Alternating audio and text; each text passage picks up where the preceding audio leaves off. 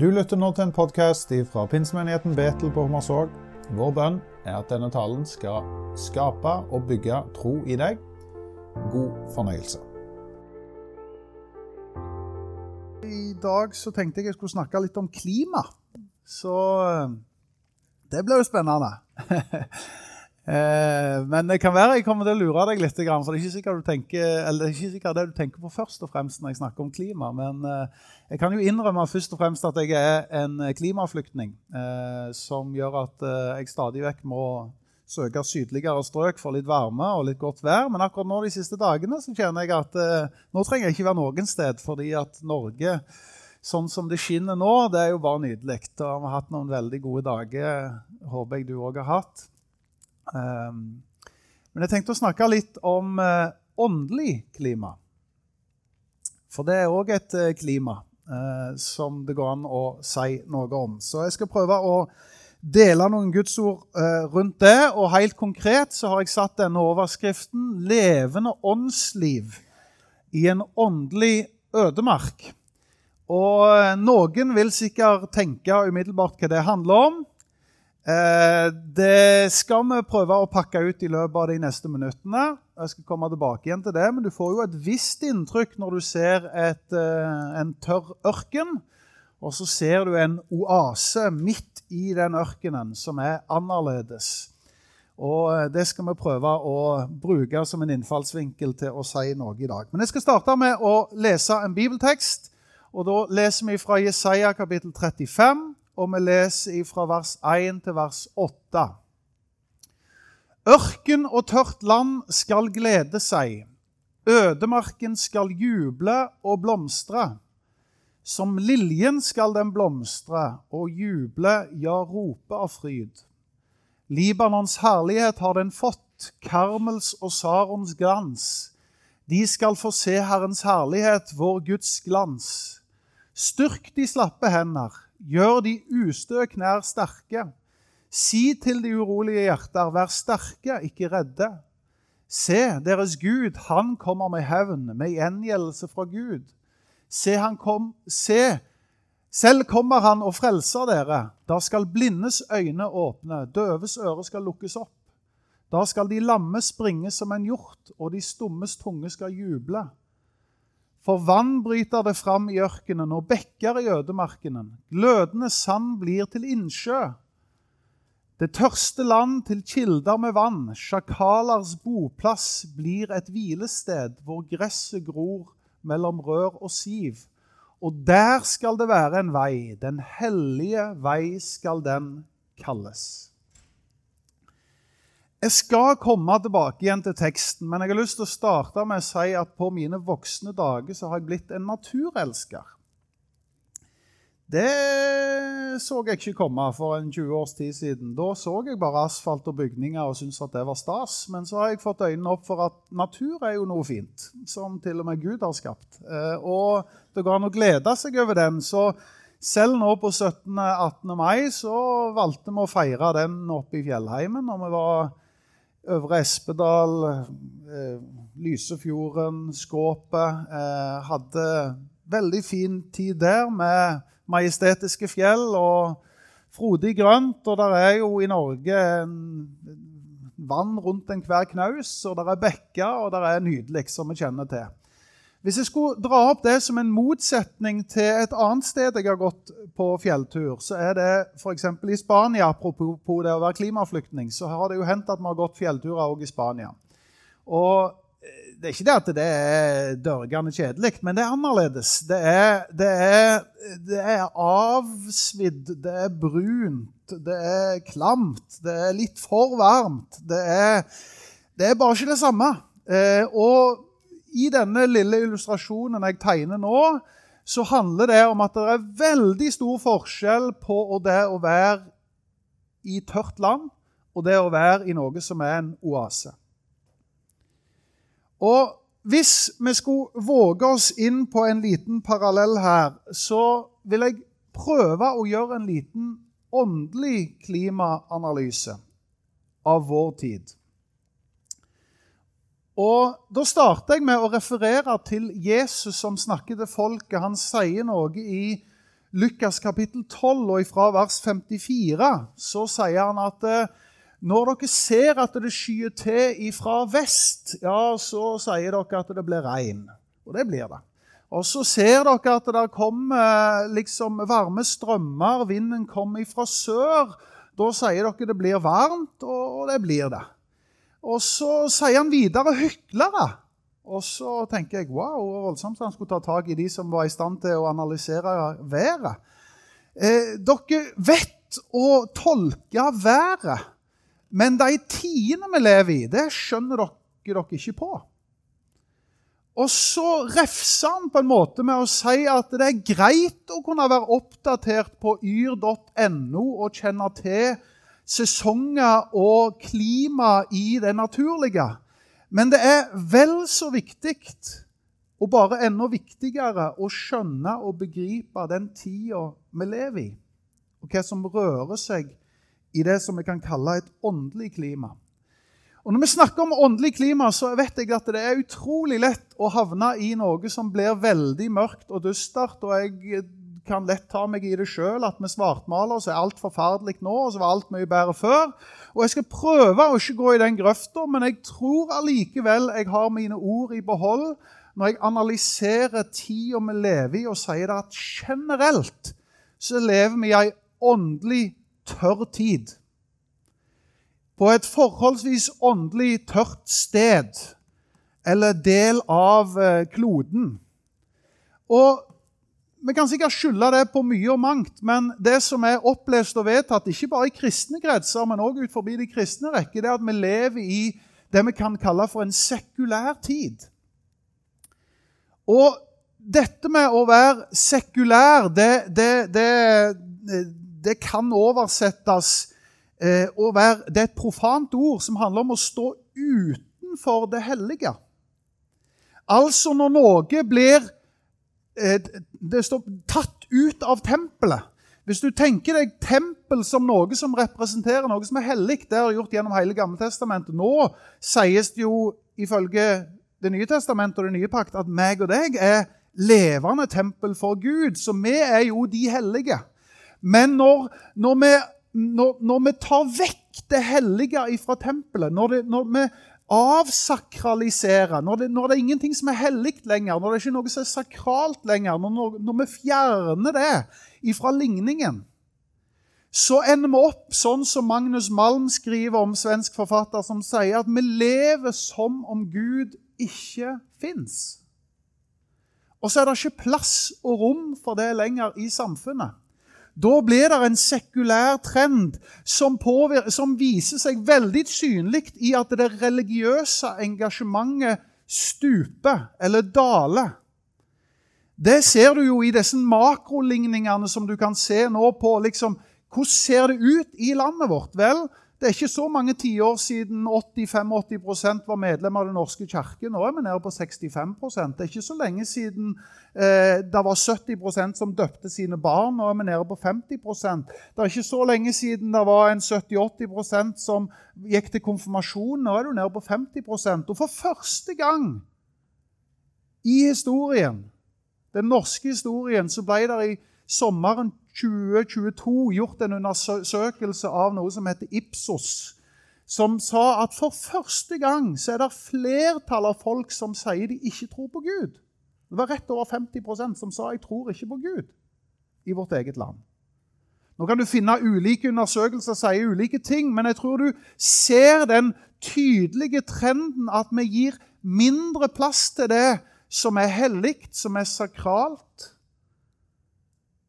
og dermed så blir det sakte, men sikkert sånn at vi, vi sekulariseres. Og det er jo en hva skal jeg si, Det er jo nesten som en sånn uh, ironi at det som er Skandinavia, som skal liksom være det kristne landet, er blant de mest sekulariserte i hele verden. Vi kommer på topp fem-lista av sekulariserte land. Sverige ligger aller øverst når du gjør denne type målinger.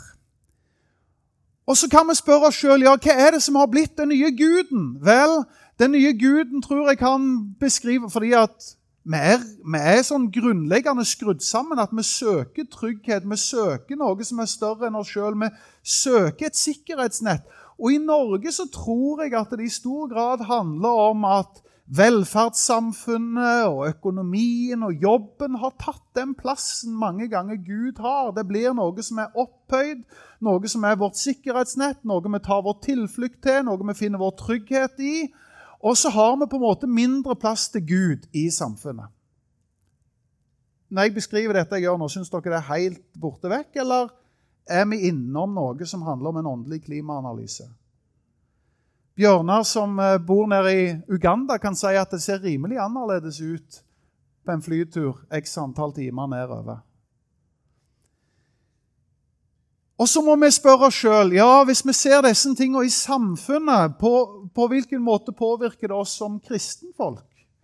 Er det sånn at vi påvirkes av dette? Og Der tror jeg vi må innrømme noen og enhver, meg sjøl inkludert, at dette her påvirker våre liv òg.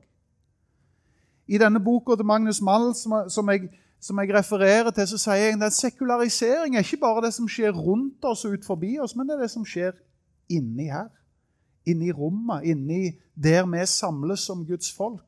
Det er bønnene vi ikke vender tilbake igjen til. Det er eller bønnene vi ikke ber, det er bibeltekstene vi ikke vender tilbake igjen til. Det er gudstjenestene vi ikke går til. Det er frivilligheten vi legger vekk. Det er alle ting som er med å trekke oss vekk ifra å søke de hellige samfunn og den hellige Gud. Og I dette så sekulariseres vi sakte, men sikkert òg innad. Dette har vi jo hatt som tema tidligere i forkynnelsen, her, så jeg skal ikke stoppe med det. Men jeg skal egentlig bare si noe om at den åndelige klimaanalysen er ikke bare noe som skjer rundt oss, men det skjer i oss og midt iblant oss. Og jeg tror at det er litt som når du er i Syden. Du kan legge deg på en sånn luftmadrass der ute, og så kan du tenke fred og ingen fare, fint vær, godt og varmt, herlig. Men så kan du se over tid at du har drifta ganske langt vett, for det fins understrømninger som tar deg til et sted som du egentlig ikke vil. Du merker det ikke, det går seint, det er behagelig, det er greit, men over tid så føres vi den veien der. Og dette er en del av den åndelige klimaanalysen som er en del av vår tid. Og da tror jeg at mange kan kjenne seg igjen i noe av det som eh, Bibelen òg omtaler. 1. Samuel kapittel 3 så står det om i de tider så var det sjelden ord fra Herren, og av syne var det få. Det er litt for langt mellom de som vi kan si vi merker og erfarer både i eget liv, og vi hører om og vi ser at det skjer ting som er av en åndelig rikdom. Og så skjønner jo jeg at jeg ikke må ende opp med at jeg bare svartmaler. fordi at midt i dette så er jo mitt, mitt budskap i dag, som jeg skal prøve å pense inn på, det er at det må jo være noe som heter levende åndsliv. Det må jo være en åndelig rikdom midt i en ødemark. Det må jo være mulig å finne en vei i det som er et åndelig tørke. Og Da kommer jeg over til det som er neste punktet mitt, og det er å prøve å gjøre et åndelig klimaregnskap. Et regnskap det innebærer både plusser og minuser. Og Nå har jeg prøvd å peke på noe av det som er med å trekke ned. Men eh, vi må jo òg veie opp og si at det er noe som er av muligheter. Det er noe som er, eh, noe som er mulig å finne en vei i her. Og Det er da den teksten vi leste fra Jesaja 35, er både oppmuntrende og interessante. Den er oppbyggelig fordi at den forteller noe om at det fins en vei i ødemarken. Det er mulig å finne vannrike kilder i tørt land. Og Når jeg går inn og leser bibelteksten om, eh, eller bibelkommentarene til akkurat det, så skrives det om den teksten der av bibelforskere som da studerer litt ekstra grundig. og sier teksten i Jesaja 35 den er av, skrevet med et sånn poetisk, profetisk Og han er skrevet i diktform. Og veldig mange ganger når du ser den type tekster, så pekes det mot en konkret hendelse i historien som det peker fram mot. Men akkurat når det gjelder denne teksten, her, så sier bibelstudiene mine, eller det jeg leste, det er det at det er litt vanskelig å peke på hvilken hendelse. Det kan være mye og mangt. La meg illustrere litt. Det står f.eks. i bibelkommentaren det kan være at denne teksten peker på hjemkomsten. fordi at eh, Hjemkomsten for israelsfolket de hadde vært i eksil i Babylon i 70 år. Og så kan, sier Det kan være snakk om at når han beskriver denne teksten, Jesaja, så handler det om den vandringen hjem til den nye virkeligheten. Men det trenger ikke være det. Det kan handle om frelsen i Jesus Kristus, men det trenger ikke være det. Det kan handle om Guds rike som skal komme, men det trenger ikke være det. Mest sannsynlig så handler det bare om dette grunnleggende åndelige prinsippen av å stole på Gud i enhver sesong og enhver tid og ethvert klima som vi møter. Så her står det jo egentlig noe som i alle fall er et faktum i denne teksten. Det er at det står om kontraster. Det står om motsetninger. Det står om tørke. Så står det om oase. Det står om tørt land, og det står om regn. Det står om fruktbarhet og frukt, fruktløshet. Altså noe som ikke bærer frukt, og noe som bærer frukt. Noe som er rikt, og noe som er fattig. Det er det denne teksten snakker om. Og spørsmålet mitt vil jo være at midt i en åndelig tørr tid, en ødemark, i en tid som vi befinner oss i, så tror vi at det fins løfter fra Gud om at det fins vannrike kilder. Det fins oaser av liv. Det fins mulighet til å få tak i et rikt åndsliv. Det tørre land skal juble, leste vi i teksten. Det tørre land skal juble. Dette er i slekt med det som vi bl.a. leser om i, i eh, eh, ja, nå, nå, gikk jeg litt fort i teksten her, men i Salme 42 og Salme 63 så står det denne teksten her Som hjorten lengter etter bekker med vann, sånn lengter min sjel etter deg, min Gud. Gud, du er min Gud, som jeg søker. Min sjel tørster etter deg, min kropp lengter etter deg, i et vannløst, tørt og utarmet land.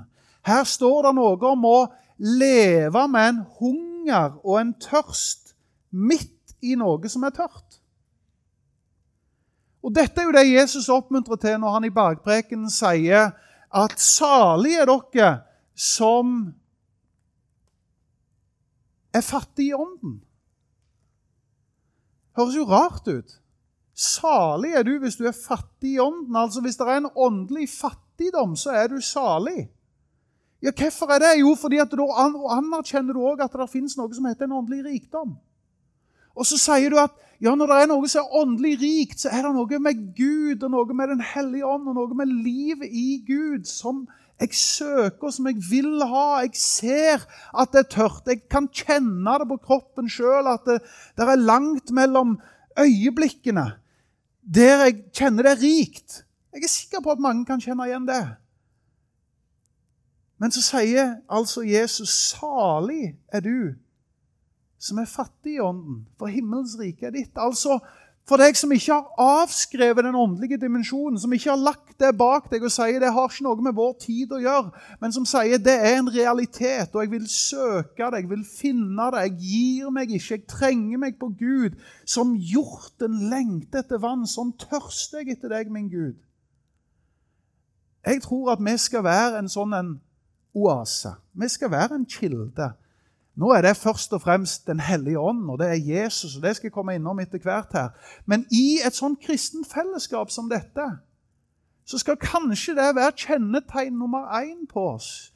Det er jo ikke det at det er fint at vi har det trivelig i lag. Det er fint at vi kan komme godt overens. Det er fint at vi kan drikke kaffe i lag og ha kirkekaffe og alt dette her. Det er veldig bra at vi kan få til mange greier. Men hvis det var noe som skulle kjenne oss framfor alt, så er det jo at det er et åndelig fellesskap. Her er det mulig å søke Gud, finne Gud, erfare Gud. Kjenne at midt i den tørken som jeg måtte omgi meg med, så er det et sted av en oase. Det er et sted å finne og erfare Guds nærvær.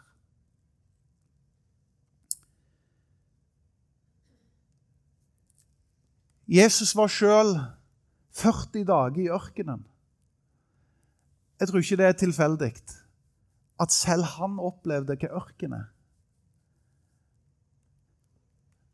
Det virka som han kom styrka ut av det. Israelsfolk måtte oppleve det i 40 år. Jeg vil påstå at gjennom mitt liv så har jeg ikke hatt 40 år med åndelig tørke. Men jeg syns det har utvikla seg eh, i gåsetegn feil vei. Sånn som jeg husker liksom ungdomstid, og sånn som jeg husker liksom tida når jeg ble en kristen, og mye av det som jeg fikk lov å stå i og se og oppleve, så føles det som en litt annen tid. Men det gjør ikke at jeg slipper taket på Guds løfte. Alle disse som står i Jesaja 35, som sier der kan finnes en vei det er en hellig vei midt i ødemarken. Det er en vannrik kilde som er å finne.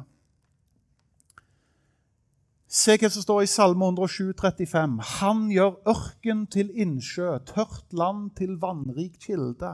Denne type løfter fins Bibelen igjen og igjen. Hva står det om her? Slå deg ikke til ro med tørke, men vit at det er et rikt åndsliv som ligger og venter, og som er tilgjengelig. Og da har jeg jo lyst å tenke og si at enhver tid, ethver trøbbel, enhver test, enhver utfordring har potensial til et åndelig liv. Det fins en utvei av ørkenen. Det fantes for Jesus, det fantes for israelsfolket, det fins i bibeltekstene, det fins for meg og deg. Så nå må vi jo avslutte med et punkt nummer tre, som handler om åndelige klimatiltak. Er du klar for det? Ja. Det er jo veldig riktig i vår tid å snakke om klima og klimatiltak og klimaregnskap osv. Så, videre. så nå er det litt sånn åndelige klimatiltak, da. Eh, hvis du har lyst til å se en interessant eh, serie, så kan du gå inn på BBC og se på noe som heter Planet Earth. Det er en sånn serie som du kan eh, se ganske mange flotte naturfenomener. Blant de tingene du kan oppdage, det er hvor ekstremt transformerende endringer skjer når noe som er knusktørt, blir utsatt for vann. Altså, det skal så lite til, på en måte, før noe forvandles totalt. Og så er det jo rart å se det første bildet, hvis du husker det. Midt i en ørken så kan det liksom finnes en oase, en kilde til et eller annet. Og Skal vi ta det i overført betydning, så tror jeg at det er noe av rikdommen som vi må løfte opp og fram i menigheten, i denne forkynnelsen. Det er Den hellige ånds liv. Fordi at når det skal bli litt rikere åndsliv i mitt liv og i vårt liv og i menigheten, så tror jeg ikke først og fremst Guds løsning er ja, nå må du ta deg sammen og disiplinere deg og skjerpe deg og bli en snill og god gutt. Det er, eller jente. Det er ikke først og fremst ta deg i nakken og bli bedre som er budskapet. Men jeg tror først og fremst budskapet er å gi Den hellige ånd rom. Det står om Den hellige ånd som en kilde som er innlagt, altså innlagt vann. Og De fleste her bor nok i hus med innlagt vann. Men det er greit å oppdage at det fins. Jeg mener det å leve i huset år etter år og ikke skjønne at det er innlagt vann, det ville jo vært ganske trasig. Så du må jo søke det innlagte vannet og gi det rom og gi det plass. Og vi går mot eh, pinsetider rent sånn i kalenderen vår, og da er det betimelig å bare si 'Kom, Hellige Ånd'. Det er betimelig hele året. Men på en særlig måte så forkynner vi det inn i dette budskapet og sier noe om at hva er det som endrer alt? Jo, hvis jeg vil bli ren, så må jeg dusje meg. Hvis jeg vil bli forfriska, så må jeg motta vann. Hva er bildene Bibelen bruker om Den hellige ånd? Det er levende vann. Hvis jeg vil bli forfriska, så er det godt med en god bris eller en god vind. Hva er bildet på Den hellige ånd? Det er vind.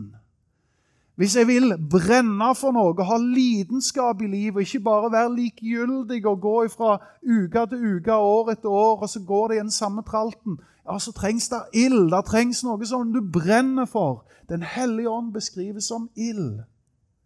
Alle disse beskrivelsene på Den hellige ånd er et uttrykk for at løsningen på et rikt åndsliv, det fins i Den hellige ånd.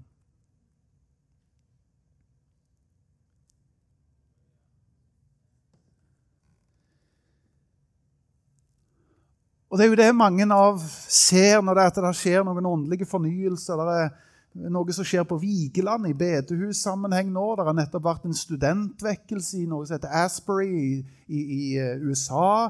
Eh, jeg leste nettopp en, en, fra, en studie fra, fra, en dansk oaseprest som eh, hadde gjort et studie på nye som hadde kommet til tro i Danmark. Og eh, mens vi ofte har hørt og tenkt hvis du ikke er så bevandra i disse kretsene, så er det ikke sikkert du har hørt det, men mange av oss vil kjenne igjen disse ordene 'belong, believe, behave', som handler om at eh, veien inn i det kristne fellesskapet går først og fremst i å tilhøre et fellesskap, og så skjer det noen endringer i livet, og så kommer kanskje troen mer og mer. Mens den nye danske studien, studien der viste at de som kom til tro, i vår tid i mye større grad handler om at de hadde fått en berøring av Gud. Altså Det var ikke først og fremst at de hadde kommet inn i et miljø, men det var en erfaring av Gud. En åndsopplevelse, en åndserfaring. Så han kom opp med denne regla som heter 'touched, taught, transformed'. Som på godt norsk betyr 'få en berøring av Gud'. La det skje en forvandling i livet. Eh, touched, ja, opplært, og så bli transformert. Altså eh, få en berøring av Gud, bli opplært i Skriftene, begynn å få livet i en ny bane, få en transformasjon. Poenget mitt er å si at vi driver ikke på med kristendom uten åndsdimensjon. Det er en åndsdimensjon som vi tror på, og som er med og blir en rikdom i livene våre. Dette kommer jo veldig tydelig til uttrykk i f.eks. apostelgjerningene kapittel 2, som er pinsedag. Pinsedag så står det om at de var alle samla. Og så var det et spesielt eh, atmosfære, for det var en bønneatmosfære. De var samla for å søke Gud. Det var ikke først og fremst kirkekaffe, selv om det er kjempefint. Jeg prøver ikke å snakke ned kirkekaffe. Men det var fordi at de var der for å søke Gud de sammen. De ba. De hadde fellesskap. Og midt i det så kom det et vær ifra himmelen, et åndelig vær, som var med å påvirke alle som var i rommet. Og så er det interessant å se. Noe av det som blir responsen, det er Hva skal vi gjøre? Det begynner de å spørre. Hva skal vi gjøre? Og så er det Peter som reiser seg opp og sier at det som skjer nå, det står det skrevet om i Jesajas bok, og, og, og det, nå skjer det rett foran øynene deres osv. Nå utgytes Den hellige ånd. Og så sier han noe om at eh, eh vend om og ta imot evangeliet og bli døpt osv. Han begynner å forklare hva de skal gi respons på. Og Poenget folkens, med det å si det her og nå, det er at jeg tror at der det er en åndsrikdom der er det òg respons. Og Jeg tror vi må være veldig vare for at vi ikke blir så bedagelige og besteborgerlige at nei, ja, det er fint å gå på møter og fint å høre forkynnelse og fint å synge lovsang, men vi, vi gjør det på vår måte. og Vi, vi, er, vi sitter nå henslengt i stolen og gjør akkurat som vi vil, og vi kommer når vi gidder. Nå er jeg litt sånn stygg i herrene, men poenget er det at det, det er en respons på evangeliet. Jesus sier i Matteus kapittel 11, når han skal beskrive tidene vi lever i, så sier han det er som om ei slekt der folk spiller på fløyte, men folk danser ikke. Og så synger de sørgesanger, men det er ingen som gråter. Altså en tid når folk er upåvirka. Du kjenner ikke at det går innpå deg, det tar ikke tak i deg, det beveger deg ikke. Og Så kan jeg si det med pekefinger, men jeg sier ikke det med pekefinger, jeg sier det mer for å vekke vekke en lengsel i at ikke bli sånne som ender opp med å ikke gi respons når Gud kaller, når Gud inviterer, når Gud taler. I innledningen i dag, eh, når vi sto på scenen her og hadde bønnestund før, før gudstjenesten, så sier Odd Børge, som skulle lede møtet, at han hadde kjent for at eh, dette ordet som står i Johannes' åpenbaring Den som har ører han hører hva Ånden sier til menigheten. Og det går an å både høre forkynnelse, lese Bibel, leve et kristent liv og lukke ørene. Vi bare gjør ting på rutine. Men det går òg an å åpne ørene, åpne hjertene og si 'Tal, Hellige Ånd'. La meg få være formbar. La meg få være påvirka. La meg få lov å være med å gi en respons når du kaller. Jeg tror det er med å gjøre det åndelige klimaet veldig annerledes. Og vi lener oss inn, og vi deltar, og vi tror, og vi anerkjenner, og vi sier 'Velkommen, Hellige Ånd'. Og vi sier 'Kom og berør meg'. Så tror jeg at apostelgjerningene videre lærer oss veldig tydelig at uh, vi skal komme inn i gode rytmer og rutiner. Det er trofast holdt de seg til samfunnet, brødsbrytelse, bønnene. De gikk til gudstjeneste. Jeg tror på rytmen, jeg tror på det daglige. Kall det jeg tror på det liturgiske, om du vil, altså det faste. Det å bare komme av gammel vane, om du vil. Rytmen, rutinene. Men det er en sånn samhandling mellom det liturgiske og det karismatiske i Bibelen som handler om at vi både er i rytmer, vi er i kjernepraksiser, vi er i dette, dette at vi går igjen og igjen. Men vi er òg veldig åpne for at Gud kom og berør meg, beveg meg. Grip hjertet mitt. La meg få være formbare. La meg få drikke av din kilde. Så I forlengelsen nå så tenkte jeg at vi skulle rett og slett avslutte med å eh, altså avslutte talen med å invitere til at vi på vår måte kan gi en respons. Lovsangsteamet er jo kjempegode å lede oss inn i lovsang. En veldig god måte å gi respons på er jo å synge av hjertet. Synge med lengsel, med hengivenhet. Men det kan òg være at du søker forbønn og sier dette åndelige, tørre landet Dette åndelig tørre landet som vi befinner oss i. Det er ikke bare rundt meg, det, men jeg kjenner det igjen i mitt liv. Men jeg vil bare stå på Guds løfte om å si at det fins en vei i ødemarken. Det er en vannrik kilde. Det er noe som det er mulig å bare Og Gud, kom og forny meg. Kom og berør meg med Den hellige ånd. Og Så velsigner vi og ber for hverandre på den måten. Skal vi reise oss opp i sammen?